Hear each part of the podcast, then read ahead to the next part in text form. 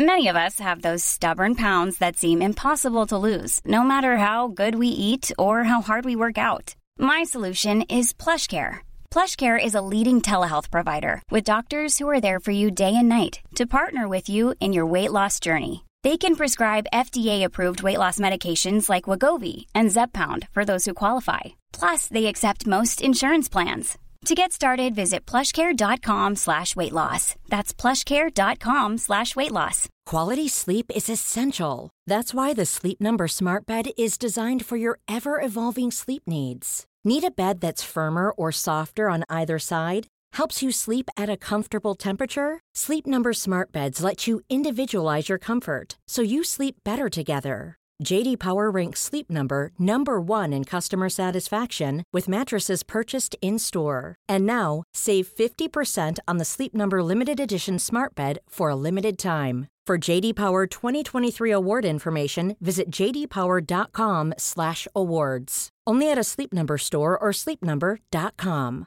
Wow. Nice. Yeah.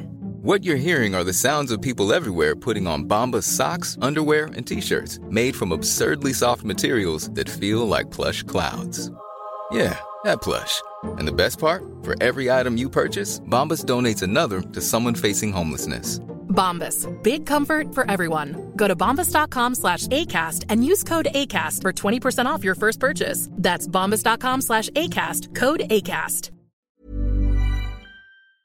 Veckans sponsor är Telia. Hos Telia samlar man mobil, bredband, IT-support, mobilväxel, allt som gör företagande enkelt. Och det är just det här att samla allt på ett ställe, att ha någon att vända sig till när det inte fungerar, det är Telia. Ett exempel på vad som inte är Telia, det är ju som när jag lyckas boka förmötet för en poddinspelning med Finansinspektionen till efter själva inspelningstillfället.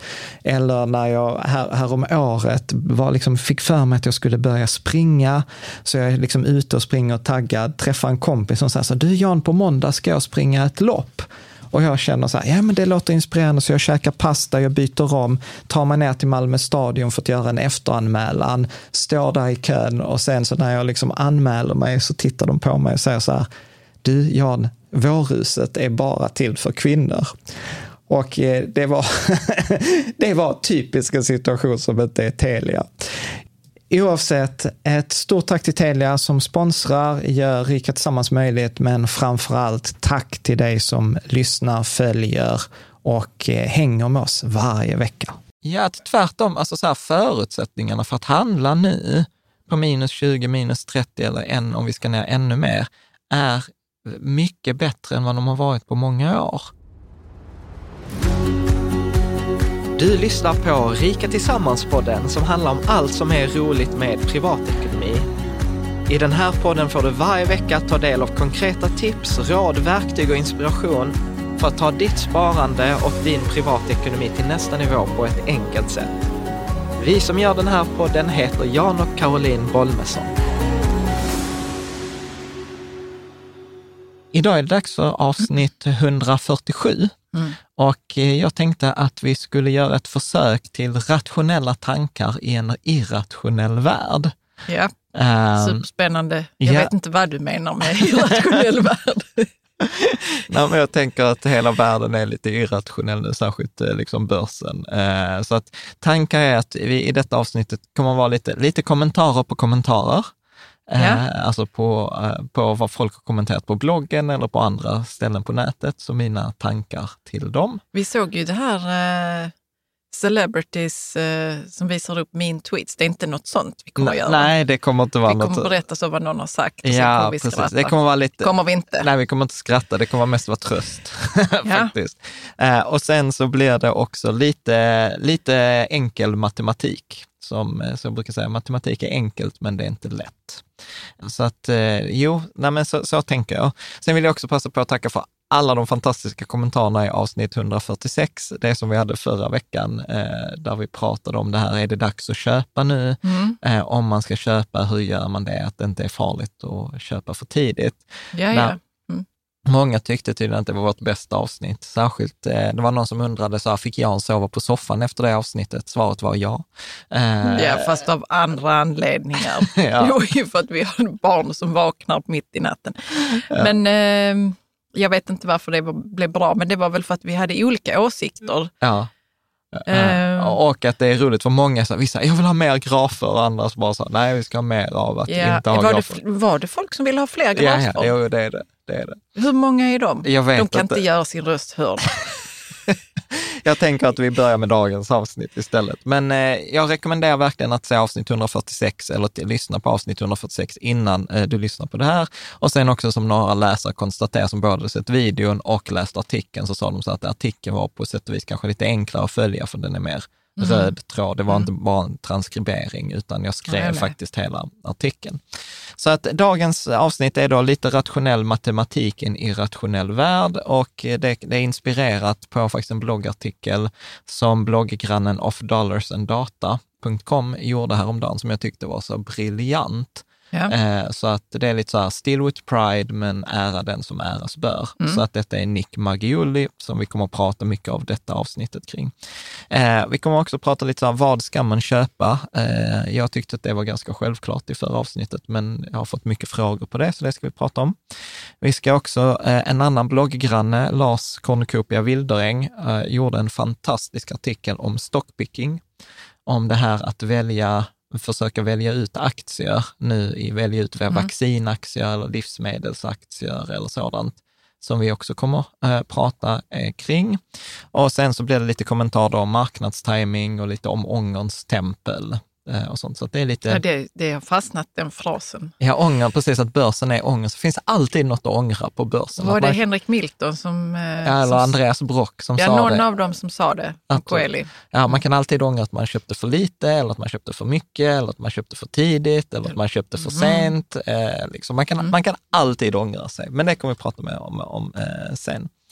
Eftersom vi kommer att prata om eh, matematik och eh, som bygger på antaganden så är det precis som vanligt viktigt att se att det vi pratar om i detta avsnitt är inte personlig rådgivning och mm, liksom, man ska inte uppfattas det som sådant heller, utan att detta är en allmän eh, och liksom subjektiv information och att naturligtvis historisk avkastning är inte en garanti för framtida avkastning och att allt som vi särskilt i detta avsnitt också kommer att prata om framtiden bygger ju självklart på en osäkerhet.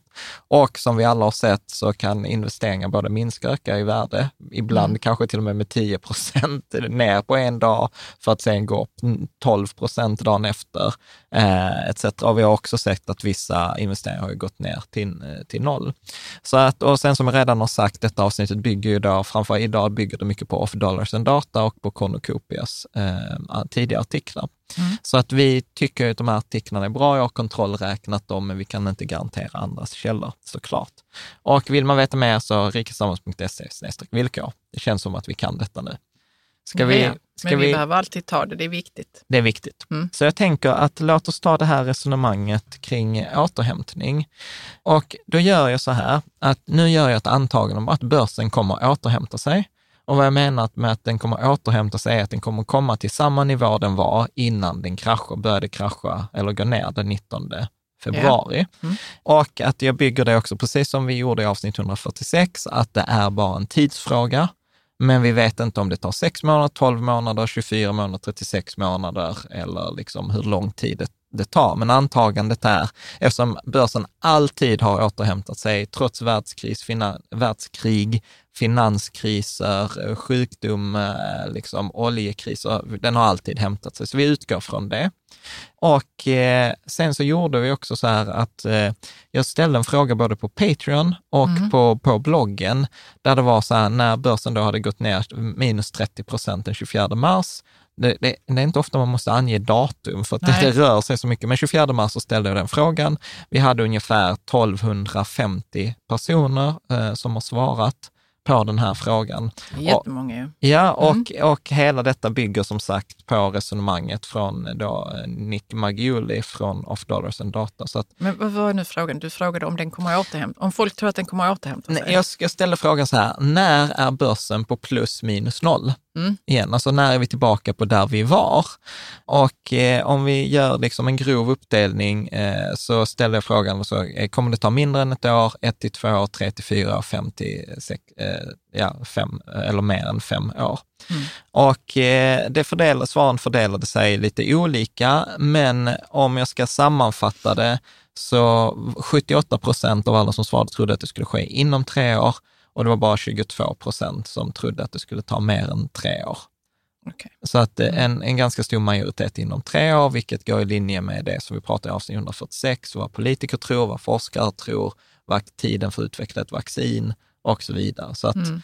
eh, jag tror att vi hade, majoriteten trodde ett till två år. Det var 40 procent av alla som svarade trodde ett till två år. 10 procent trodde mindre än ett år. Så att 50 procent av alla tror att vi är, vi är klara med detta inom två år. Okej? Du, du säger, Ja, jag funderar. vad tror du? Så ett, varför ställer vi egentligen den här frågan? Jo, men det kommer jag Ja, du dit. Jag har kommer en till poäng. det, du kommer till det, jag vet så. Men eh, också på hur snabbt vi tror att, det kommer att, att börsen kommer att återhämta sig. Ja, en genomsnittlig börskris är ju tre år. Så Ja. att vi tror, vi är lite optimistiska. Vi är lite optimistiska. Eh, Och det märker man väl också, det är väl där- därför börsen är så himla slagig just nu, för att det är så mycket, liksom, eh, det var ju någon som sa att Mr Market och marknaden är manodepressiv. Så när den är optimistisk så är den optimistisk, när den är depressiv så är den depressiv. Det är därför vi ser de här slagen Mm. på minus 10 plus 10. Jag ska ändå säga att det är fortfarande ganska mycket optimism eftersom vi ser alltid de här återhämtningarna. Alltid efter en stor nedgång har vi haft en återhämtning. Det kommer bli värre när vi ser de stora nedgångarna som sen fortsätter utan om det händer såklart. Ja. Men min poäng här var egentligen snarare att titta på detta utifrån ett annat perspektiv då som Nick gjorde från början. Och eh, då tänkte jag att vi skulle börja med en gammal klassisk graf. Jag vet att du inte är så Jo, förtjust men i jag grafer. gillar, jag gillar grafer. Ja, Jag gillar bara inte små och Små. många, där Ja. man inte kan se siffrorna på dem. okej. När någon bara ska visa. okej. Ja. Ja, jag är rädd att visa en graf nu. Men, det är jättefint där, jag kan se siffrorna. Ja, så Mm. detta är en graf där vi tittar på så här, hur stor återhämtning behövs det om marknaden eh, trillar? Alltså så att Mm. om, om man tappar 50 procent, hur stor återhämtning behövs? Och detta har vi pratat om i tidigare avsnitt. Mm. För ofta så tror man, det är vanligt misstag folk gör så här, om man bara ska ställa frågan på stan, så man, om börsen backar med 50 procent, hur mycket behöver man eh, återhämta för att vara tillbaka på noll? Och då säger jag så här, minus 50 plus 50, det är noll. Ja, fast det funkar inte så med pengar, för att har du en hundralapp, förlorar 50, kro- eh, 50 procent, då har du 50 kronor. Men om du har 50 procents utveckling på 50 kronor så har du bara 25, det vill säga 50 plus 25, 75 kronor. Ja, så du är inte uppe så att du är inte 100 uppe på noll. Så att Man kan en- lätt bli lurad. Ja, så en förlust på 50 procent kräver en återhämtning på 100 procent. Mm. En förlust på 10 procent kräver en återhämtning på 11 procent. Och en liksom förlust Mm. på 90 procent kräver en återhämtning på 900 procent. Ja. Ja. alltså, så att det är det vi vill. Liksom. Och precis som vanligt, alla slidesen finns på bloggen. Så att du som bara lyssnar och känner så här, nej men jag vill verkligen se graferna i detalj, så kan man gå in på, på bloggen. Men tanken är inte att du ska behöva eh, göra det. Eh, och då kan man fråga sig så här, så varför är detta relevant? Eh, varför pratar vi om detta med förlusten just nu? Mm. Jo, för att givet en marknadsåterhämtning så behöver återhämtningen vara mycket större än förlusten. Så backar vi då eh, till då till exempel minus 30 procent, som vi var på då i, för ett par dagar sedan, så behöver vi en återhämtning på 43 procent. Mm. Så att uppåt, skjutsen, alltså rekylen uppåt, när vi kommer gå uppåt, kommer ge mer avkastning än liksom det vi har förlorat på, på, vägen, eh, på vägen ner. Vilket också talar för det här att fortsätta månadsspara, fortsätta om man har möjlighet att köpa nu. Det är egentligen det som vi pratar om i 146. Och om vi då tittar eh, på lite då matematik, så roar jag mig med här innan avsnittet. Med, Jag såg det. Fråga vad, vad, vad gör du? Vad, vad räknar du? ja, så då höll jag, Fick det trevliga svaret, det ska du skita i. För jag fick inte se det innan. Men berätta nu, nu får, Jo. jag, nu får jag veta. Nej, men jag, jag räknade, det var lite algebra. Eh, det var ju liksom så här, okej, så vad är formeln för återhämtning? Exakt, vad blir det då? Mm. Och liksom att försöka få detta, för jag tänkte att vi ska titta på den här förlusten och återhämtningen lite matematiskt, eh, Ja. baserat också på inspiration från han Nick. Och då konstaterar vi liksom inget konstigt, en återhämtning i procent är då 1 eh, dividerat med 1 minus förlusten i procent minus 1. Då får jag så att 50 procents förlust kräver 100 procents återhämtning. Och där vi befinner oss när vi spelar in idag, vad är det, 26 mars, då är Ja. vi minus 20. För ett par dagar sedan var vi minus eh, 30. Så att poängen här är en återhämtning ger en skjuts. Men det coola blir här om vi då sätter, kombinerar den här formeln för att återhämta, liksom skjutsen i återhämtningen med ränta på ränta-formen, För att då kan vi räkna på, så vad är den förväntade framtida avkastningen utifrån där vi är idag? Hänger du med? Ja, om vi vet vad rekylerna blir. Eller vad tänker du? Nej, för att frågan var ju så här, Ja. vart jag är på väg är att jag ställde frågan, när tror du att börsen återhämtar sig? Visst. Och vet du vad, det är en jättebra, jättebra fråga. Om du inte har svarat på den frågan, nu har, du, nu har vi kanske spoilat det lite och sagt att de flesta tror 1 till 2, men fundera för din egen skull så kan du hänga med i resonemanget. När tror du att börsen har återhämtat sig? Mm. Liksom inom ett år, 1 till 2, 3 till 4 eller 4 till 5 eller mer Mm. än 5 år eller aldrig. För att, utan att då gå igen liksom för mycket här, formlerna, men då kan man då alltså räkna ut om den, vad är den förväntade avkastningen framåt? Och det är så här klassisk ränta på ränteform 1 plus den förväntade avkastningen för återhämtning, upphöjt till 1 genom antalet år. Jag tror att återhämtningen kommer att ta, minus 1. Och kombinerar man ihop eh, de här då två så kan man få ihop då en, en formel för den här förväntade avkastningen, vilket jag tycker är då det spännande, för då kan vi... Har du gjort det själv? Ja. Kombinerat ihop de två själv? Ja, jag har faktiskt till och med här på sliden eh, har jag till och med löst ut vad formen är, men jag tänkte eftersom det är ganska många som bara lyssnar så är det så här, Ja, men- formen är ganska ointressant. Kanske för vissa är det intressant. Ja, jag jag men- håller med dig. Jag kommer inte racka ner på detta. Nej, men den finns, den finns på bloggen då som en slide. Men det intressanta dit jag är på väg är att om vi då gör den här beräkningen, liksom, vad är den förväntade avkastningen från minus 30 procent, där vi liksom, eh, verkar liksom hovra nu på börsen, om jag har de här olika troorna när börsen är tillbaka på noll. Alltså förstår Okej. du, så att jag har tagit de här Ja, ja, 1200 visst. svaren. Ja. Så om man tror på en återhämtning eh, inom ett år, så är ju den förväntade avkastningen då framåt 42 procent. Om man Ja, så att börsen måste gå upp. upp 42 procent från ett läge på minus 30. När, när du lyssnar på detta kan ju börsen vara precis vad som helst för att slagen Absolut. är så Men stora. från, i, från typ idag ja, och ett år framåt. ja, precis. Då är för att komma tillbaka till noll, där vi var Mm. den 19 februari, så krävs alltså en avkastning på 42,9 procent. Ja. Ja. Om man tror på en eh, återhämtning inom då två år, Mm. Så har vi då en, eh, då en förväntad avkastning på 19,5 procent de kommande två åren. Om man tror att det kommer ta tre år, då har vi en avkastning, förväntad avkastning på 12 procent om året de kommande tre åren. Tror jag på fyra år, då är det 9,3 procent. Tror jag på fem års återhämtning så ligger vi på 7,4 procent. Mm. Vilket innebär, tänker jag då, att även om jag är lite neggo och säger att detta kommer ta fem år för att återhämta detta, vilket var liksom så extremt fåtal, jag tror det var 6 procent av alla som svarade på undersökning som trodde att det skulle- ta fem år, så har jag ändå en förväntad avkastning på 7,4 procent. Som är ungefär index. Så är, som är lite över det vad index ska ge. Så om Mm. jag är till exempel fyra, eller liksom att jag tror på fyra år, återhämtning inom fyra år, att köpa på nivån minus 30 procent, ja då är det som att ha en förväntad avkastning på 9 procent om året, vilket är högre än det historiska snittet. Och sen har jag då gjort en tabell, så vad innebär detta med 1, 3, 1, 2, 3, 4 eller 5 års återhämtning om vi då ligger på minus 20, minus 30, minus 40 eller minus 50 procent? Mm. Och liksom slutsatsen från den här tabellen är ju att även om, om, vi, liksom, om vi har rätt i det här antagandet, att vi kommer återhämta oss inom ett till två år, så betyder det att om börsen är minus 20 procent, då kommer jag ha 12 procents eh, avkastning de kommande två åren, tror jag. Köper jag på minus 30 procent, där många, jag vet många köpte när vi skrev då publicerade artikeln i söndags, ja då har jag 20 procents avkastning mellan nu och återhämtningen om året. Så att vänder vi på detta, så att inte köpa på den här nivån, på minus 30, det, då säger man att man antingen inte vill ha den här avkastningen på 12 till 20 procent de kommande två åren, Ja. eller så säger man att man tror att avkastningen kommer att ta längre tid. Absolut. Det Mm. vill säga att även om man tror på en fem års återhämtning, vilket typ är det minoriteten tror på, och inga forskare pratar om det, liksom ekonomer etc., eh, så pratar vi ändå om en avkastning på mellan 5 och 7,5 procent om året.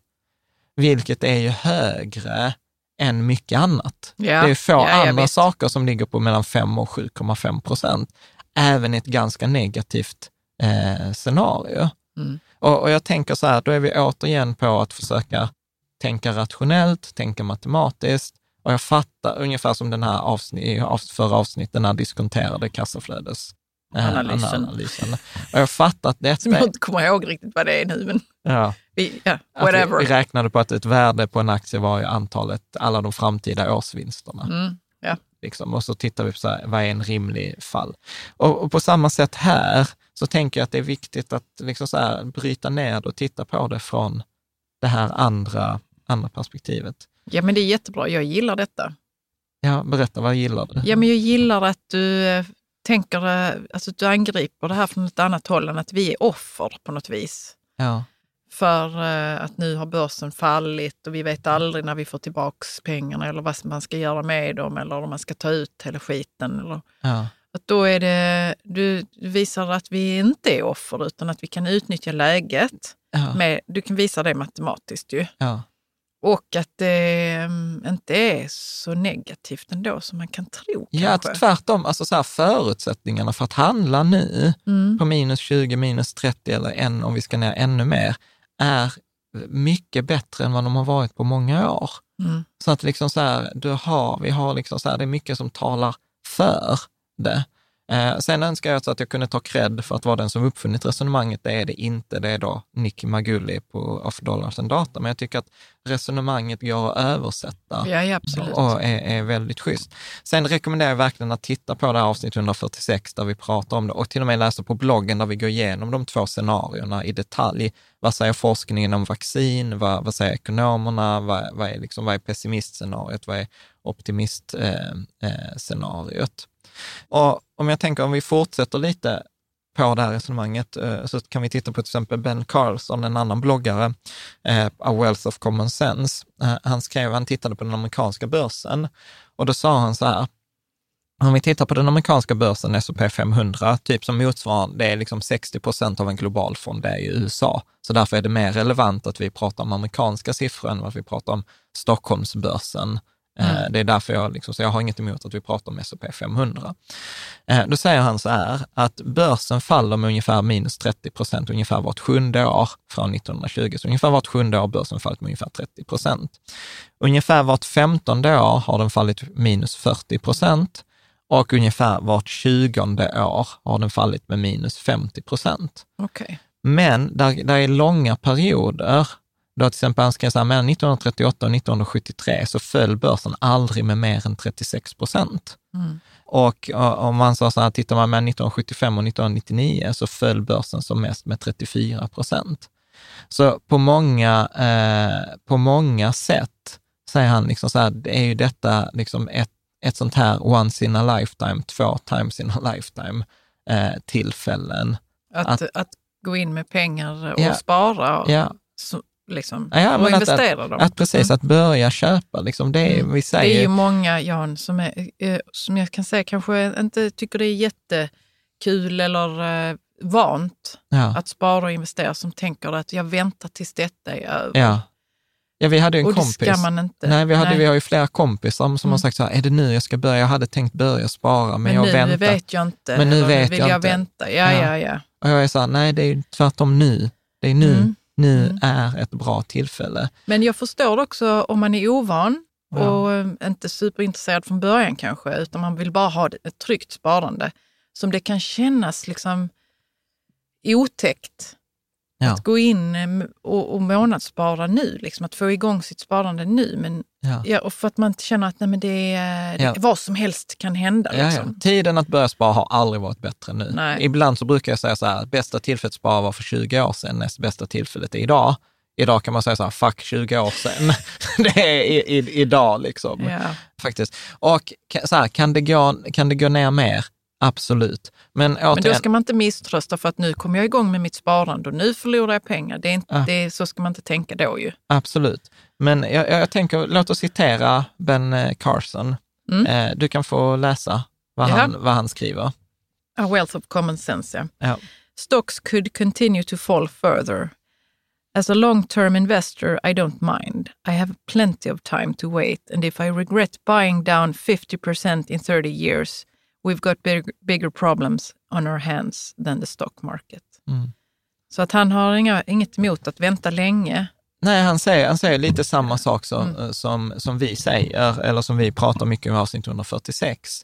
Att ja, det kan fortsätta falla, ingen vet. Och, och liksom majoriteten av alla sparare kommer antingen köpa för tidigt, köpa för sent eller inte köpa alls. Mm. I, i, liksom de som träffar botten kunde lika gärna köpt en lott. Än Absolut, det, är man, ingen- ingen, kan veta vet. var den Och, och lite som han liksom lite också eh, säger här, är det så att börsen aldrig någonsin skulle återhämta sig, eller här som han säger att om, det, liksom, om vi inte återhämtar ett fall på 50 procent på 30 år, då har vi andra problem än börsen. För det betyder ju att företag inte finansierar sig, det betyder att vi inte har någon tillväxt, det betyder att vi har hög arbetslöshet, det betyder att vi har ganska mycket misär i samhället. Mm. Det är ungefär som, som nu, det som pågår just nu när vi spelar in detta, det är ju hela det här debaclet med Spiltan. Eh, Spiltan, ränta, räntefond. räntefond Sverige som Mm. har liksom pausat sin, eh, liksom all handel. Och jag säger så här, liksom, gi- givet att det inte är nå- något brottsligt, vilket jag inte eh, tror, så äger ju företaget liksom lånat ut pengar till några av Sveriges största bolag som SBAB, Nordea, eh, Volvo, eh, Castellum etc.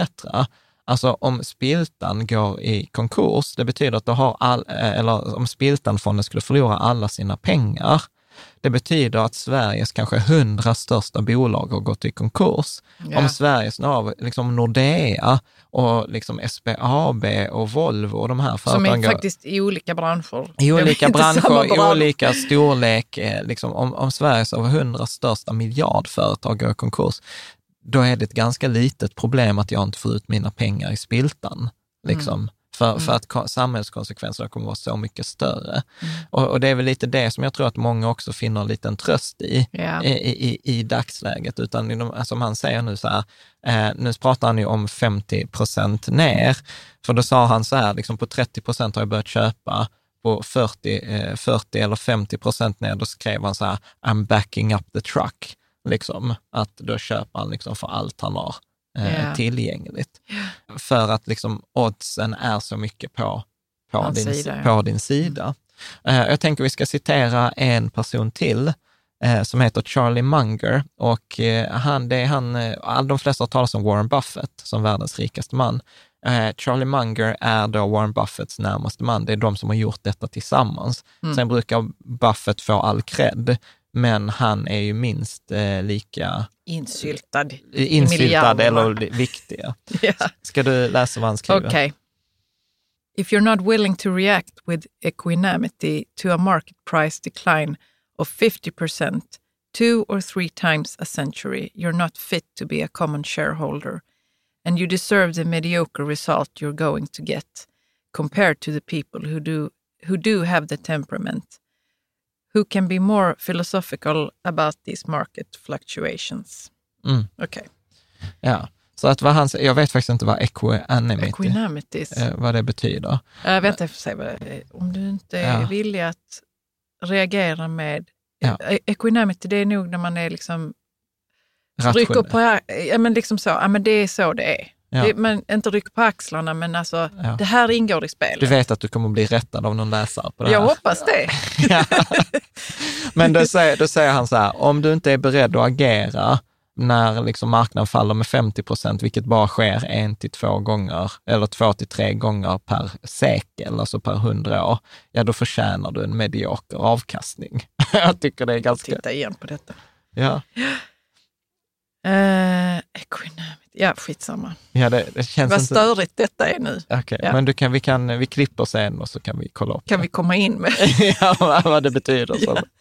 Ja, så, så att po poängen här är återigen, titta på avsnitt 146, men, men det gäller ju liksom att kommer det en straffspark, eh, som vi sa i avsnitt 146, så, så tycker vi att man ska ta straffsparken. Det innebär inte att man är garanterad mål, för målvakten kan fortfarande fånga bollen, man kan fortfarande sparka i stolpen eller i ribban eller sparka utanför. Men i fler fall än inte kommer man ju faktiskt eh, göra mål. Alla säger att man ska köpa, men vad ska man köpa? Mm, men vi har precis klippt, så ska, vi inte, ska du inte ta att du har googlat vad equanimity Jag har betyder? Google Translate-appen. Ja. Equanimity betyder jämnmod, Ja, så jag hade rätt. ja känns Fast bra? jag sa inte jämnmod, jag sa så att man, liksom, man förstår att det ingår i spelet, att börsen faller. Ja, precis. Eh, bra, men vi ska svara på frågan. Dagens ord. ja, precis. Vi, men vi ska ändå svara på vad man ska köpa. Vad ska man köpa? Jo, för, för grejen var så här att jag, det, det var faktiskt en av frågorna jag inte svarade på i förra avsnittet, för jag tyckte ju att det är så självklart, men obviously inte, utan det som jag naturligtvis tycker att man ska köpa, det är precis samma sak som man har köpt innan. Det vill säga att liksom, det är inget som har förändrats i själva filosofin eller strategin. Det är, forskningen säger fortfarande exakt samma sak som den sa för tre månader sedan. Det vill säga att det som ger bäst odds, det är att köpa alla aktier på hela marknaden, i hela världen, så billigt som möjligt och äga dem så långsiktigt som möjligt och så spara regelbundet. Så att i, i mångt och mycket handlar det fortfarande om fondrobot, som vi pratar om i avsnitt eh, 99, eller då modellportföljerna som vi pra- pratade om i avsnitt 100, eh, 136. Mm. Så att det är liksom inget, det är inget nytt. Vi ska inte börja spekulera eller någonting sådant. Tvärtom så skulle jag säga att det är ännu mer vanskligt att spekulera nu. Att det är många som sa så här, ja men du vet de aktiva fonderna, de kommer gå bättre nu i nedgången. Så tror du att de gör det? Nej. Och, och Men eh, enskilda aktier kan Ja. jag tänka mig att folk också vill spekulera i. Ja. Att de tror att någon ska gå bra. och Ja, jag har fått Och det kanske kan, det kan hända, ja. men också inte. Ja, och jag tänkte att det är faktiskt det vi ska prata om nu. Mm. Och om vi tittar på den amerikanska börsen per den 20 mars, så tog jag eh, också, och så delade vi upp dem liksom efter hur de har eh, fallit. Eh, så att här har jag då en graf som eh, då visar hur många företag har då gått plus, hur många har hamnat i intervallet 0 till minus 10, minus 10 till minus 20, minus 20 till minus 30 etc. Och då låg ju börsen, eh, tror jag, ner minus 30 procent. Av 500 av USAs 500 största bolag var 21 plus, det vill säga 479 var back. De flesta då var ju back minus, då min, mellan minus 20 och minus 30, eftersom det var ju där liksom index låg. Men det var förvånansvärt många. 100 bolag var mer än minus 30, back mer än minus 30. 70 bolag var mer back än minus eh, 40. 46 alltså bolag, alltså 10 procent av bolagen låg mer än minus 50 procent och det var till och med eh, 22 bolag som låg mer än minus 60 procent back och 18 bolag som låg mer än minus 70 procent back. Vad betyder det att de är back då? Alltså deras aktie, värdet på deras aktier Aktie- har rasat sjunkit, med- med kanske 70%. upp till 70 procent. Nej, men 70 procent eller mer. Mm. Och så har vi sett på svenska börsen också, och det är det som händer i sådana här eh, paniktider. Det är därför jag är så himla glad för att vi alltid pratar om så här, köp en indexfond för då får du genomsnittet. Jag vet ju till exempel att eh, eh, vi är ju lite engagerade, liksom, vi har några så här alternativa investeringar i onoterade bolag. Mm. Och jag vet ju att eh, mina kompisar som sköter dem, de liksom för, för tre månader sedan så hade de, gick de in i ett bolag som var värderat till 100 miljoner. Mm. Ja, och nu värderas det till 17 miljoner. Ja. Alltså de, du vet, de har tappat 80 procent av sitt värde. Och sen är det liksom en överreaktion, absolut, för nu värderas bolaget till sin kassa. Jag menar, de har 20 miljoner i kassan, men det är ingen som är villig att ge mer än 17 miljoner. Nej, Du sa att det kan ju finnas maskiner, det kan finnas kompetens, Ja, allt ja, ja. möjligt som inte, som inte ens finns med i den värderingen. Ja, så att, och det är det som jag menar att det blir, liksom, det blir ju panikigt. Och det är jättesvårt att förutsäga då vilka bolag är det som kommer gå bra. Och jag tänkte jag skulle ha ett långt resonemang om det här, liksom vad folk tror och liksom vilka bolag som kommer gå bra eller inte. Och sen så bara häromdagen så skrev då en annan blogggranne, Lars Wildereng, Cornucopia, en fantastisk artikel som vi, vi kommer egentligen citera nästan halva artikeln. Så tack Lars eh, och jag tänker att vi, vi går igenom det för, för jag hade inte kunnat skriva detta bättre själv. Mm. Så jag tänker att du får läsa och sen så diskuterar vi det som han har Ja. skrivit. Absolut. Och då pratar han ju så här om, ja men det är ju många som är så här, livsmedelsbranschen har ju gått upp nu för folk har handlat mycket på ICA. Därför eh, jag tror jag också att livsmedel är den, och konsumentvaror är den enda branschen som inte har fallit för att liksom så här, folk har bara pff, flockats, Mm. flockats dit. Men låt oss läsa hans analys, för det, detta är bra. Okej. När folk flockas till att köpa pasta och toapapper eller ska sitta hemma och bingea Netflix drar en del slutsatsen att man ska köpa aktier som Axfood, ICA eller Netflix. Andra köper vaccinbolag utifrån hoppet att dessa ska hitta ett vaccin mot sars-covid-2 och tjäna mångmiljardbelopp. Mm. Ska jag fortsätta? Ja. Bloggen anser dock att detta är att lura sig själv. Det handlar om spelberoende individer som tror sig vara smartare än den kollektiva marknaden och som inte alls blir några vinnare annat än om de har tur. Mm. Ord och inga visor från Lars. Spelberoende individer, alltså människor som eh, tänker så. Nu, för att det är ju inte, jag ska säga så här att jag, det är inte e- en gång jag har stött på när någon har sagt så. Jag tänk, tror att ICA går bra just nu. Ja, men låt oss läsa, för han bryter ju ner detta nu Ja, i ja, nästa. visst, visst. Så du kan fortsätta läsa. Um, livsmedelsbranschens enda systematiska tillväxt är befolk befolkningstillväxten. Det är en mogen bransch med stenhård konkurrens och tillhörande marginaler. Den drabbas inte särskilt av något alls annat än den demografiska utvecklingen. Mm. Köper nu folk på sig pasta och toapapper idag så köper de mindre av detta längre fram när krisen är över och över tiden så kommer man köpt lika mycket ändå. Mm. Om man la upp permanenta lager var omsättningsökningen en engångseffekt och gynnar inte heller livsmedelsbranschen. Tvärtom kommer sämre tider att göra att, att livsmedelshandeln kan missgynnas när folk slutar köpa oxfilé och köper falukorv istället. Någon långsiktig vinnare blir i alla fall varken ICA eller Axfood. Du vet, jag vill bara klappa. Bara, bara. jo, Liksom men det så är väldigt logiskt eh, tänkande. Ja. Ja, det, är jag, det jag, så. jag tycker det är så, så briljant. Mm. Alltså, så här, för att vi, vi, vi, vi blir så känslomässiga och så tänker vi inte på det här. Nej, alltså bara för att det är kris så förbrukar vi inte mer toapapper. Vi Nej, vi kanske har mer... ju det på vinden då. Ja, precis. Vi har det hemma. Och även om det var så att folk hade lagt upp ett halvårs lager toapapper, så är det ändå också bara en engångseffekt. Ja, sen det- har man ju det, förbrukar det i den takten man Ja. behöver. Man gör ju inte slut på det Nej. snabbare. Nej, Nej, för Nej han har helt rätt i det. Och nu när folk köper de här liksom livsmedelsaktierna, då säger de implicit motsatsen till det vi pratade om i förra avsnittet, med att ett vä- företag värderas på alla framtida vinster. För då tror folk att deras framtida vinster kommer bli mycket större Mm. nu när, när det är liksom folk handlar på ICA, men så kommer deras vinster kommer inte bli större. Tvärtom skriver han ju så här, vad som händer är ju att om vi hamnar i en kris och, och, och, eh, som är långsiktig så kommer ju folk köpa billigare varor. Då Mm. köper de inte oxfilé utan köper de falukorv. Och det är ju mindre marginal på falukorv. Okej, nu gissar jag, det ska jag inte säga Jo, att det är men mindre, vi men, kan men, gissa högst, det. men högst sannolikt så tjänar bolag, inte, inte att kanske marginalen är lägre, men de tjänar mindre pengar i absoluta tal Mm. på, på falukorven än vad de gör högst oxfilén. sannolikt på oxfilén. Mm. Äh, Så jag är så här, grymt bra. Låt oss... eh, Men, det är, men det är roligt för man kan känna sig smart när man tänker så. Nu borde den aktien gå bra för att nu vill alla titta på... ja, jag har varit där. Jag var också så här, har fan jag skulle där. köpt Ja, ICA. Det kanske är så att, att eh, den, eh, vad heter det, konferens... eh, aktien Zoom, kommer, ja, ja. kommer gå bra. Ja, det kanske är så. Ja, Du, du. Jag vet inte, det kanske är så ja. Ja. Men kanske inte. Vi sen- fortsätter. Vi Mm. fortsätter när han tittar på vaccin. Zoom tror jag kan vara lite annorlunda. Ja, men, det säkert, finns säkert någon men- som men- men låt oss- Men okej, vi fortsätter. Låt Av, oss ta vaccin. av alla vaccinbolag är det på sin höjd en som kommer få fram ett vaccin först. Självklart kan bara en vara först. Det finns inget som säger att ditt bolag är rätt bolag. Var det, hade, eh, var det, eh, vänta, Var det det? Var det det hade du tur och kunde lika gärna satsat pengarna på hasardspel. Ja, det vill säga att han säger att om, om det är så, det kommer bara vara ett bolag som kommer vara först ut på Mm. marknaden med ett Och du vaccin. kan ha gissat rätt Och du kan ha gissat rätt, men då hade du bara tur. Ja. Och då kunde du lika gärna chansat med pengarna. på kasinot. Ja. Alternativet är att köpa tio vaccinbolag och hoppas att en av dem träffar rätt.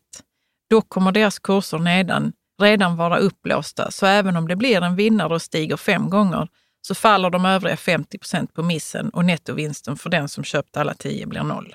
Mm. Återigen, liksom så här, ganska rationellt Mm. resonemang. Mm. Eller hur? Okej. Ska vi ta den eh, sista, Netflix? Net, net, Eller, eller, eller alla de här stay at home-bolagen. Så kommer du ihåg att vi pratade Ja, om det visst, för någon vecka sedan? pratat om. Netflix var redan skyhögt värderat.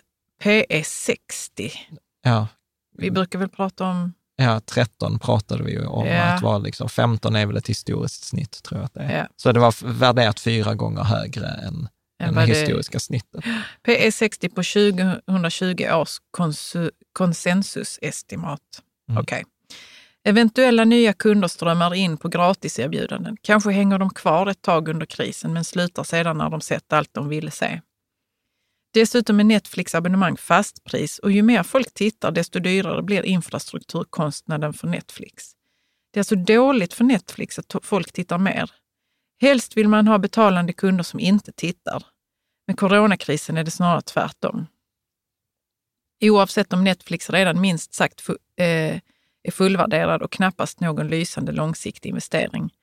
Risken är snarare rekyl när de smartaste, som aldrig är du ju, säljer av för att sätta i något lägre värderat tillväxtcase. Mm.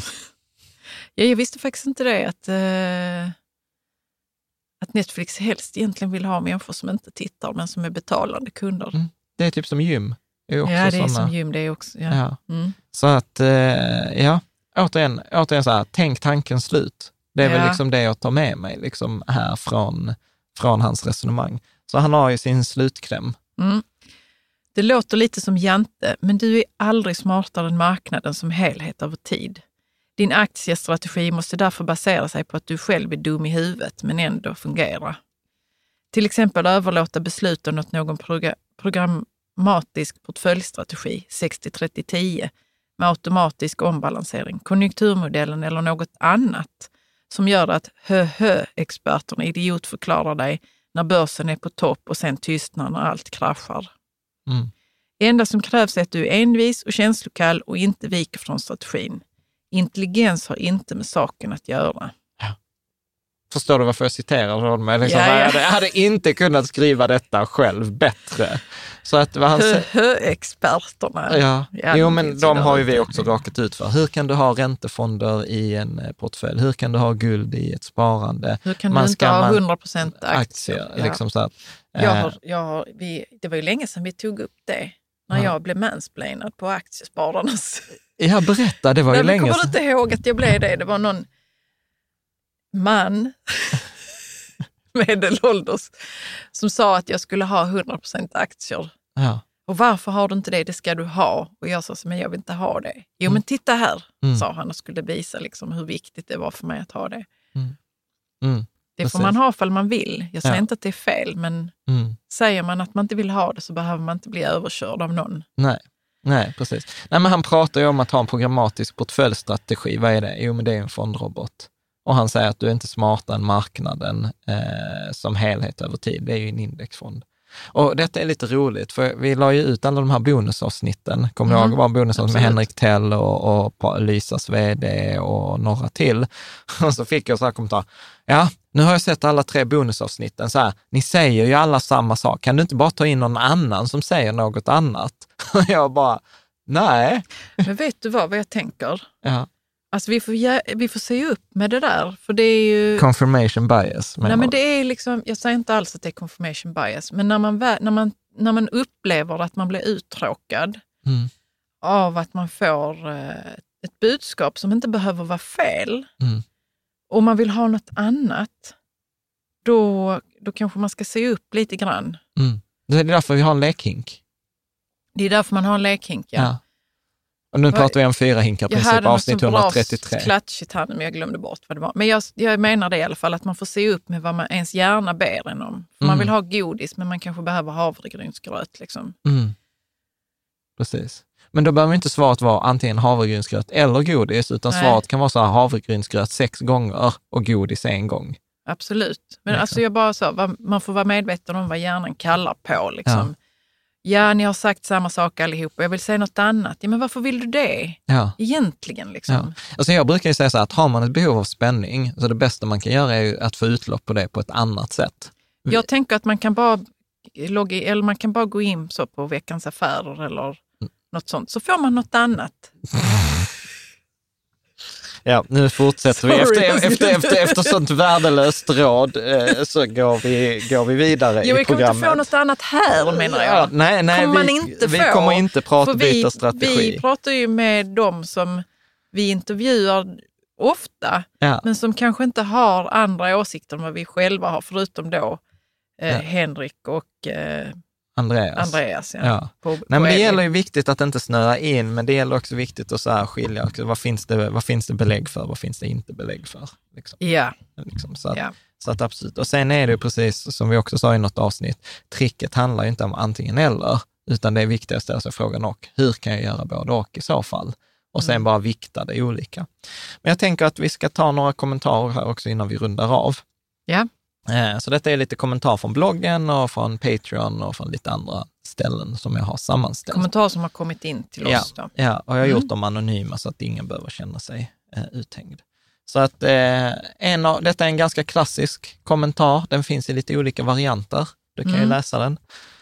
Jag förutspådde att marknaden skulle gå ner på grund av corona när den låg på 3400 SOP. Jag Ja, vet inte vad det betyder. att, ja men det var indexet. Att, ja, men Mm. så här, jag förutsåg att marknaden kommer gå, liksom, Ja. gå ner. Jag köpte först idag. Det, kan jag, det jag gjorde var att jag la in 40 procent i amerikanska indexfonder. Känns bra. Så här har vi den klassiska, liksom så här, titta vad duktig jag är. Jag tajmade marknaden, jag gick ut före, jag sålde av allting innan kraschen. Jag visste att det skulle bli värre. Jag säger inte att den personen skrev alla de här grejerna, men så här har andra kommentarer som är liknande låtit. Mm. Eh, liksom. Och, och liksom, min kommentar till en sån kommentar är så här, grattis, och jag, jag är faktiskt inte sarkastisk, Nej, eh, eller nej, liksom nej. Så här, utan jag menar det. Så här, grattis, bra jobbat, för att du har ju sparat pengar på, på, på nedgången. Och det som jag vill lägga till är att min egen läxa, min egen erfarenhet från liksom 20 år tillbaka, det är ju det här som jag alltid återkommer till, det här ordspråket. När en person med pengar träffar en person med erfarenhet så händer alltid samma sak. Personen med pengar får erfarenhet och personen med erfarenhet får pengar.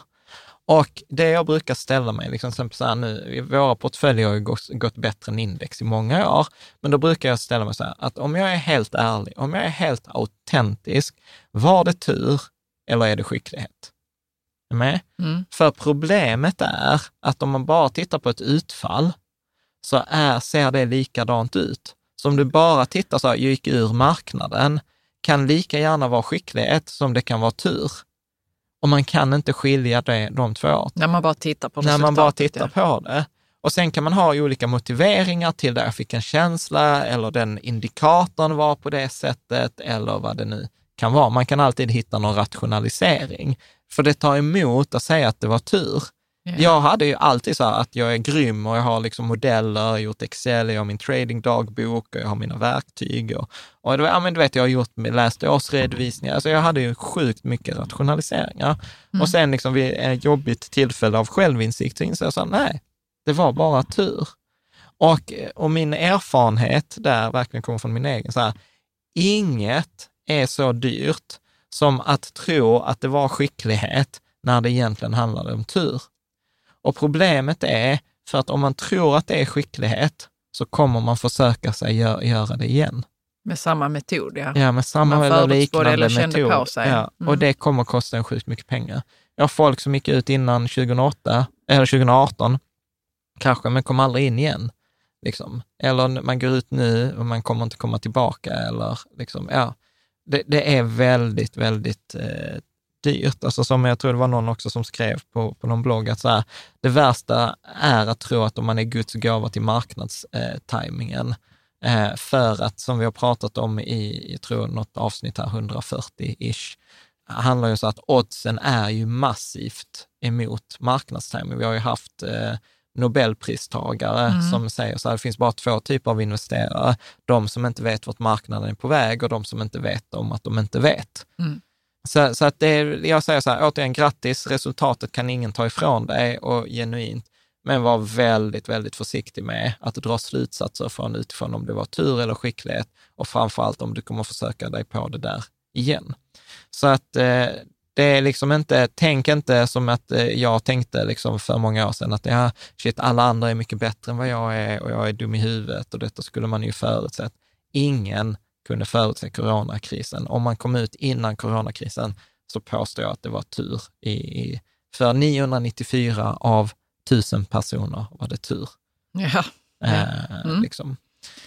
Sen har vi faktiskt en, en kommentar som är lite längre, som berörde mig faktiskt i ganska mycket, så vi ska lägga lite tid på den här. Ja. Eh, Vill du eller ska jag Nej, läsa men du, den? får läsa, du får läsa hela och, och Ja. sen så ska vi kommentera den på två sätt. För jag tror att denna berör ganska många eh, faktiskt. Mm. Ja. Hej, jag är 19 år, läkarstudent och har ganska många år framöver. Fick ett förskott på arv på drygt 700 000 kronor och tänkte var lägligt nu när börsen gick ner. Utan någon eftertanke alls slängde jag in allt på börsen i några fonder. Det mesta i en bred globalfond för att sprida riskerna. Globalfonden har gått ner drygt minus 25 procent så jag tänkte, fin rabatt. Nu är jag dock väldigt orolig och ledsen. Några har totalt dumförklarat mig för att rabatten bara är minus 25 procent och att det här kommer bli betydligt värre. Det är inte bara en recession som väntar, det är en depression. Många menar nu att jag spelat bort mina föräldrars arv som de arbetat, arbetat väldigt hårt för. Jag vet att det inte går att spekulera om framtiden och att det aldrig går att tajma marknaden perfekt. Det är helt omöjligt att gå in precis när botten sker. Men var jag för snabb nu? Ska jag dra mig ur? Vad kunde jag ha gjort annorlunda? Är så otroligt jävla stressad. Uppskattar verkligen lite hjälp. Mm. jag Ja, jag blir också berörd av detta för att mest berörd blir jag av att folk dumförklarar den här personen. Ja, vi ska titta. På vi ska, bara minus 25. Men minus 25, det är helt... det, Det är det- det- otroligt det det vi- det det är vi- stor rabatt, får det, man väl det, säga det vi har pratat om, alltså bara köpa på minus 25, att köpa på minus Mm. 25 procent, det betyder att en framtida förväntad avkastning på, ja, pratar vi ett, två, tre år, så pratar vi på 14, 15, 20 procent. Mm. Alltså så här, det är asbra. Vi ska bryta ner, vi ska Vi bryta, ner den. Ja, tack Men- för denna kommentaren. Ja. Ja. Eh, och jag tror att det är ganska många som känner så här att jag har gjort någonting, nu Mm. ångrar jag mig, fan vad dum jag är, eh, man blir Ja, idiotförklarad. ja, vad man än har gjort kanske. Ja, och det är det Mm. som jag egentligen tänker att vi ska fokusera på Mm. i, i, den här analysen. Och först och främst så tänker jag att eh, vi ska prata om det här med Howard Marks, för han har skrivit det, har skrivit det bäst. Howard Marks är en av världens bästa investerare, han har en firma som heter Oak Tree Capital och han skriver sådana eh, letters, eller sådana shareholder letters som är väldigt, väldigt bra. Han har skrivit en bok, eh, flera böcker faktiskt, om hur man investerar etc. Och vi tog faktiskt upp detta i ja, förra avsnittet, men jag tycker att detta är så bra så vi tar upp det igen. Så vill du läsa vad han, eh, Howard Marks, vad han skriver. vad han skriver i sitt månadsbrev från januari 2020? Mm. You cannot tell the quality of a decision from the outcome. You can make the best decision you can based on what you know, but the success of your decision will be heavily influenced by A. Relevant information you may lack and B. Luck or randomness. Mm. Så att det första här, när du har tagit ett beslut så tar man alltid det bästa beslut man kan i den situationen man kan ta. Men du kan inte utvärdera huruvida det var ett bra eller dåligt beslut, vilket jag tror att de flesta gör, är att man tar ett beslut och sen tittar man en vecka senare, så gick börsen upp eller ner? Ja, men den informationen har du inte när du fattar beslutet. Så du kan inte använda den informationen för att bedöma om beslutet var bra eller dåligt. Och sen så handlar det om dessutom att det är en slump.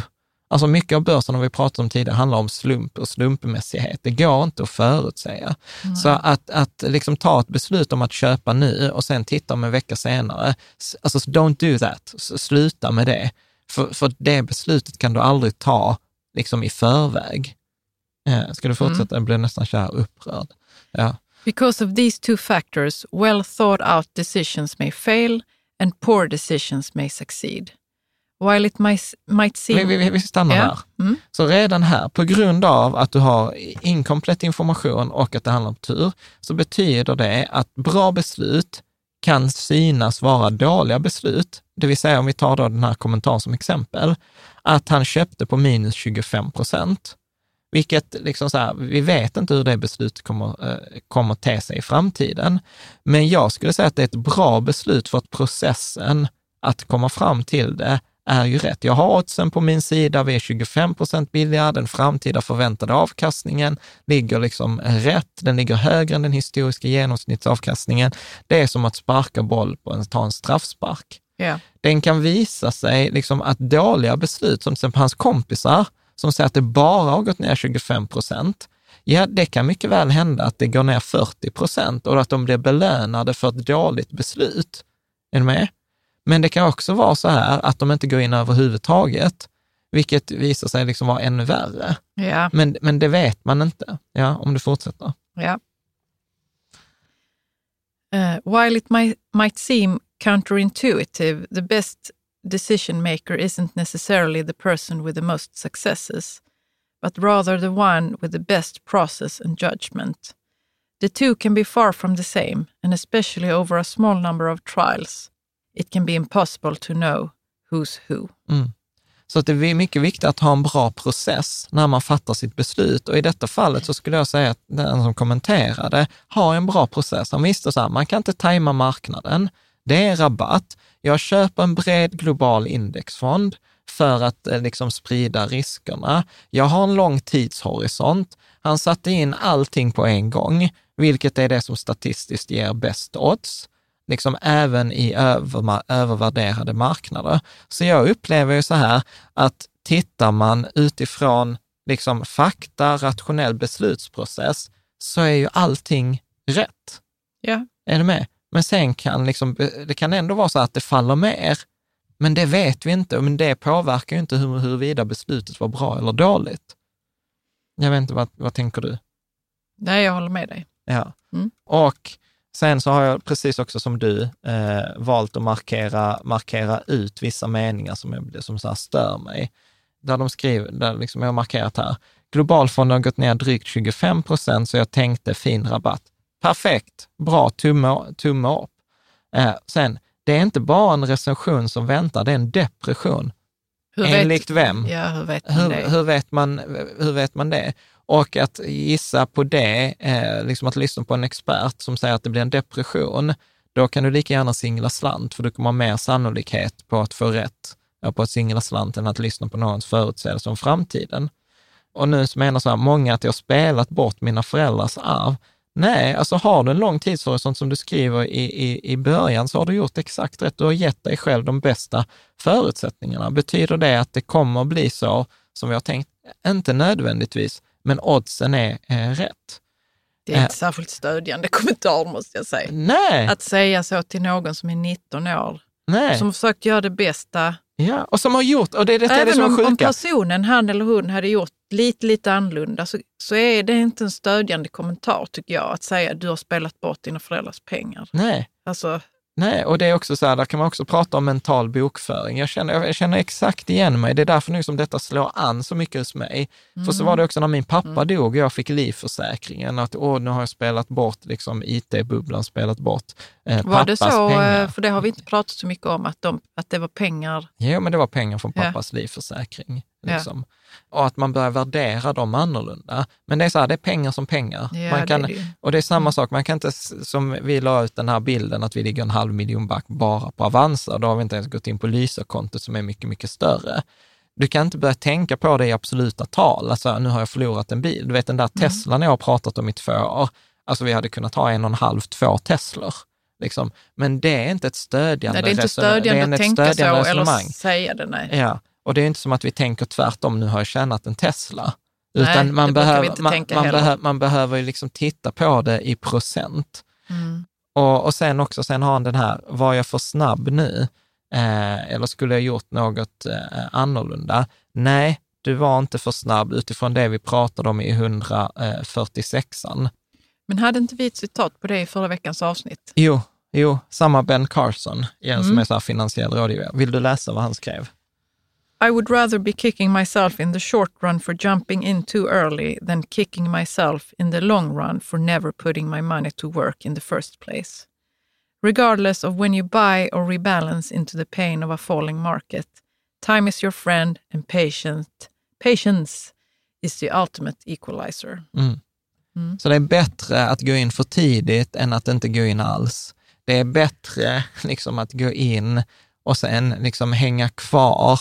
För du har ju redan fått den där rabatten. I detta fallet har ni redan fått rabatten på 25 procent. Ja, ja. Det är inte liksom lönt också. Så här, kan det gå längre ner? Absolut, ingen vet. Men det är liksom inte en, en, det är inte en strategi att ha tur. liksom. Eller, i, liksom, I min värld. Så att, nu vet han skriver också så här, jag är så otroligt stressad. Och jag, är så här, nej, vet, jag hade så gärna velat ge så här, lite lugn, lite empati. Liksom, stop it. Du, det är du, så, du är inte idioten i rummet, men det är så jävla, förlåt att jag svär, det är så himla lätt att tycka, du vet, när alla andra gör någonting, att stå Eller kvar. säger, de behöver inte ens göra. Ja. Säga. Ja. Det är lätt att prata. Ja, precis. Ja, jag blir också. Och, och, och människor också som, som har sålt av till exempel, eller som sitter och väntar, så är jag så här, vad är din strategi för att gå tillbaka? Vad är din strategi för att köpa? Och, och förvånansvärt ofta kommer den handla om marknadstiming. Och det har vi Mm, liksom ja, ett det- helt avsnitt om, liksom att det där är, funkar väldigt dåligt. Jag har också hela tiden, och det, det behöver man också ha empati för att man har en tro. Jag har också hela tiden en tro om vad marknaden ska göra. Tricket är att inte lyssna på den tron. Som vi också var inne på med ett av de mer mjuka avsnitten, som jag vet vissa som är nördiga på grafer, så här, ja men eh, det är lite så här flumavsnitten, men jag vet att andra gillar dem, så jag accepterar det, men grafavsnitten är bra. Så här, men det är inte det ena eller det andra. Nej. För att i, i, i, i det andra så handlar det om att ha till exempel den här mentala styrkan, att kunna lita på sig själv. Eller att ha den eh, mentala styrkan och säga så att jag behöver inte agera på allt som min hjärna tror eller allt som min mage känner. Liksom, så att det handlar om både, både och, liksom, tror jag.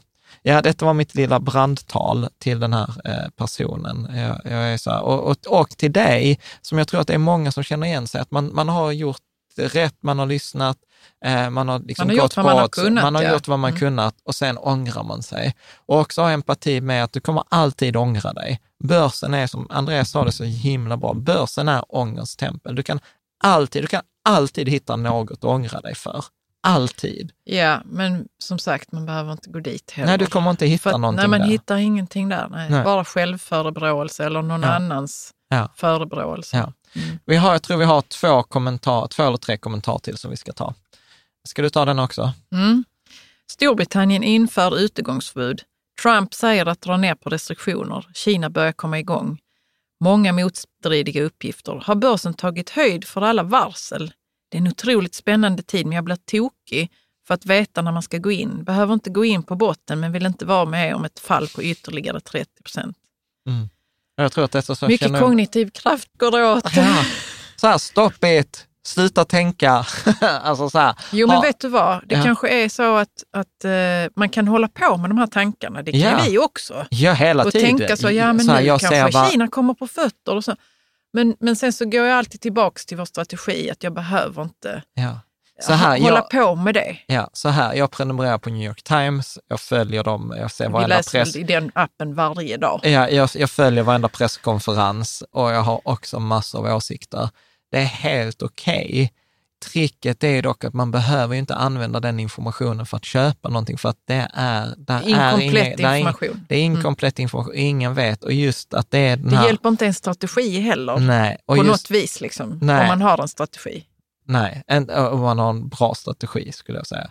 Men det är ju de här motstridiga uppgifterna som gör att vi ligger minus 20 procent back. Hade det inte varit motstridiga uppgifter så hade ju vi varit över, då hade det ju varit konsensus. Och där, när det är konsensus så går ju börsen upp. Med? Så att det, är ju, det är ju detta, men man kommer inte lista ut någonting smartare än någon annan. Det ser vi i så många exempel. Liksom så här, Bitcoin har fallit. Man pratar så här riskparitetsfonder som skulle vara så här heliga graalen. Liksom. Alltså så här, det, det är kaos. Inget står emot. Nej, Spiltan Räntefond Sverige skulle vara så här alternativ till bankkontot, sa de i sin marknadsföring. De har stängt. Alltså så här, allt, inte. all, liksom det Nej. mesta slutar gälla. De, de slutsatserna som man kan ta, det är ju de som är klassiska för en krasch. Men de har inget med framtiden att göra, utan liksom det, det är ju det vi pratade om också i förra avsnittet. Mm. Så att, eh, och sen skulle jag säga här kring den här sista eh, kommentaren, så här, men vill inte vara med om ett fall på ytterligare 30 procent. Så här, ha med det i strategin. Det kan falla 30 procent till. Vi har historiskt har vi fallit ända ner till 89 procent. Så att om det känns jobbigt nu, då kanske ha för hög risk. Då är det kanske ändra på den strategin, men ha inte en strategi som bygger på att du behöver förutse Men vet framtiden. du vad, det kan, jag tänker också så här att eh, man kanske inte har för hög risk. Det kanske inte är det det handlar om, Ja. utan det är det att man blir liksom så, att man måste göra något, att man känner Ja. att man måste göra någonting. Ja. Att det är så jävla ovant att bara sitta still och, vän- och tänka så, ja tiden är min bästa vän just nu. Det är vi är så ovana vid det för att vi är så, vi måste ha de snabba dopaminkickarna. Tro mig, jag håller på med min telefon hela tiden. Det är bara dopaminkickar. Ja, Och, så, och då är det väldigt ovant, men skönt. Att inte göra någonting. ja, ja, visst. Mm. Men det är som, kommer du ihåg citatet i förra avsnittet från Jack Bogle? De, Nej, vilket var det? Det var han som sa så här, ja mitt råd i 99 procent av alla fall, så jag behöver vara försiktig när jag ger det här rådet, det är att man brukar säga så här, don't just stand there, do something. Men mitt råd är, just stand there, don't do, do anything. Ja. Så att liksom, Mm. vi tar nästa, näst sista kommentaren. Guldet återhämtar sig helt nu och ligger plus 10 procent i år. Gör att jag blir mindre sugen på att sälja av guld till fördel för aktier. Säljer mina räntor idag och funderar senare över nästa steg. Mm. Jag tror att detta är också ett klassiskt misstag. Ja, Eh, berätta här, vad du här, tänker. Här tror jag att man ska ha en strategi av att ombalansera. Återigen, man behöver inte spekulera i huruvida guld kommer gå bättre eller aktier. Så här, bara håll dig till en strategi och strategin bör innehålla ombalansering. Så fort vi har det här debaclet över med spiltan så kommer vi ombalansera våra modellportföljer. Har du lyse eller fondrobot så ombalanserar de automatiskt. Så att återigen här, bli inte kär i några tillgångar. Och är det så att guldet rusar, stiger jättemycket, ja men då är det ju liksom, vi ska ju sälja dyrt och köpa billigt. Men detta, jag ville liksom illustrera, detta är också en sån här, jag, jag känner så igen mig. Att bara, åh, titta nu har detta rusat och gud vilken tur att jag hade det här guldet, det har räddat mig i denna, nu vill jag behålla det, jag vill inte sälja det. Man vill behålla det. Ja. Ja, utan, Det är mot intuitionen, liksom, Ja, eller vad man säger. återigen. Mot känslan. återigen att vara lite, lite mer liksom, rationell än, än liksom känslomässig. Sen är det en sista kommentar från Patreon och eh, denna, jag- denna har jag tagit med. Eh, du får läsa den först så kan jag berätta varför jag har Ja. med den. Svajigt är det och kommer säkert vara en så en tid. Idag plus 7 på OMXS och drygt plus 10 i USA. Jag gick in hårt redan den 13 och 16 mars. Om det vänder över, över långt över minus 30 procent kör jag in så mycket jag vågar och lite till. Vid minus 50 belånar jag mig på Avanza. Går det åt pipsvängen är, det rätt schysst, är jag rätt schysst på fönstertvätt och hushållsnära tjänster så ni vet. Det ska bara vara några som kan betala för det. Förlåt, jag tyckte det var jättekul. Jag älskar ju den här avslutningen. Ja, men det var också så här att det var lite så här humor i, i det där. Och det är väl liksom så här eh, som Ben Carson också och jag är inne på, att ja, ja, men det, detta är ju liksom att göra rätt. Och sen så får man väl liksom ha lite så här tragikomisk humor i det. Att går det åt helvete så ja, men jag är ganska duktig på att tvätta fönster. Liksom. Så jag tyckte att det var ett kul, kul sätt att avsluta på. Men Mm. du verkar måttligt rolig. Nej, det är bara grammatiken. Man kan inte säga, detta är så, förlåt, detta är så roligt. Du jag reagerar- lock i örat för det. Åh. Eh, om det vänder över långt över minus 30, det är Ja. väl under minus 30 den menar, den här Okej. personen, eller? Ja, jag vet inte, jag lägger inte så mycket vikt vid, vid sånt där. Nej, jag vill bara förstå. Ja, alltså han menar så här att det- vi är på minus 30 om det går, sjunker ännu mer, bortom minus sjunker 30. det, Ja. inte över. Ja, ni får- Förlåt mig. Ja, detta är charmen att vara gift och bo tillsammans med Caroline. Man vet aldrig hur hennes hjärna tolkar eller reagerar saker. Men du kan väl börja räkna ut det nu? I Nej, vilket fall, vi, gill, vi gillade kommentaren. ja, ja, jag gillar den tydligen lite mer än du. Mm. Men i alla fall, eh, tack, eh, tack för att eh, ni kommenterar och jag hoppas att, eh, jag tror vi kommer behöva göra några fler sådana här avsnitt där vi Mm. kommenterar kommentarer. Jag tror att det Absolut. kan vara ganska, Jag tycker också det är väldigt värdefullt, för då det blir liksom ändå lite närmare er som lyssnar och tittar. ja. Så fortsätt, eh, fortsätt skicka in, fortsätt kommentera. Eh, Alla vi har, tankar och känslor som rör sig där. vi har ju över 370 kommentarer nu på den här börsen och corona, vår uppesittartråd. Eh, Den klistrade, den som alltid är Ja, den som, uppdaterad. under, ja, den som under coronakrisen kommer att vara, kommer att vara överst.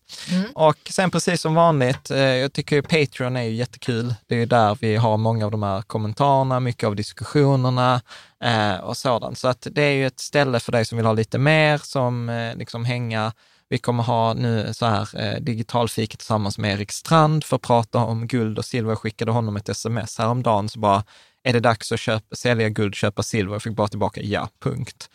Så att det blir tillfälle Han kan pra- förklara mer. Ja, precis. Eh, och vi, vi har ju också, vi kommer ha, jag, jag tror faktiskt att vi skulle egentligen haft after work på riktigt denna veckan i Stockholm, i Malmö. Ja. Inte direkt läge för det där. Så att jag tror att vi ska försöka ha en sån eh, digitalt, för jag har sett att man kan köra sådana smågrupper. Så man kan ha en stor grupp och även smågrupper digitalt. Så jag tror att då kan man liksom träffa de andra och börja prata. Så att för dig som är med på Patreon så är det någonting som jag tänkte att vi skulle testa. Och är du, in, för dig som lyssnar och inte är så här Patreon, kolla gärna mer på patreon.com rika tillsammans eh, eller länk i, i avsnittet. Eh, så att det är liksom en, en community, ska Mm. du väl säga. Så ett eh, stort tack för denna gången. Ta hand om er eh, där ute. Eh, stöd din lokala företagare. Jag tror att de behöver hjälp nu, även om vi pratade om förra veckan, att spara pengar. Köp en extra sallad eller en pizza eller någonting. För att jag tror att vi behöver hjälpas åt i, i den här tiden. Mm. Tack så mycket. Tack.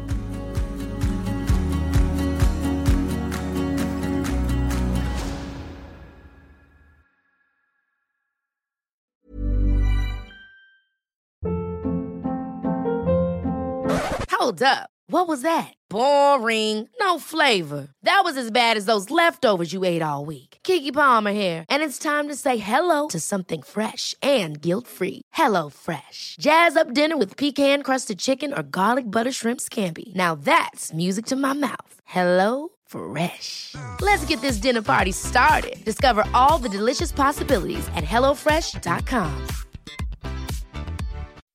When you make decisions for your company, you look for the no-brainers. If you have a lot of mailing to do, stamps.com is the ultimate no-brainer. Use the stamps.com mobile app to mail everything you need to keep your business running with up to 89% off USPS and UPS. Make the same no-brainer decision as over 1 million other businesses with stamps.com. Use code PROGRAM for a special offer. That's stamps.com, code PROGRAM.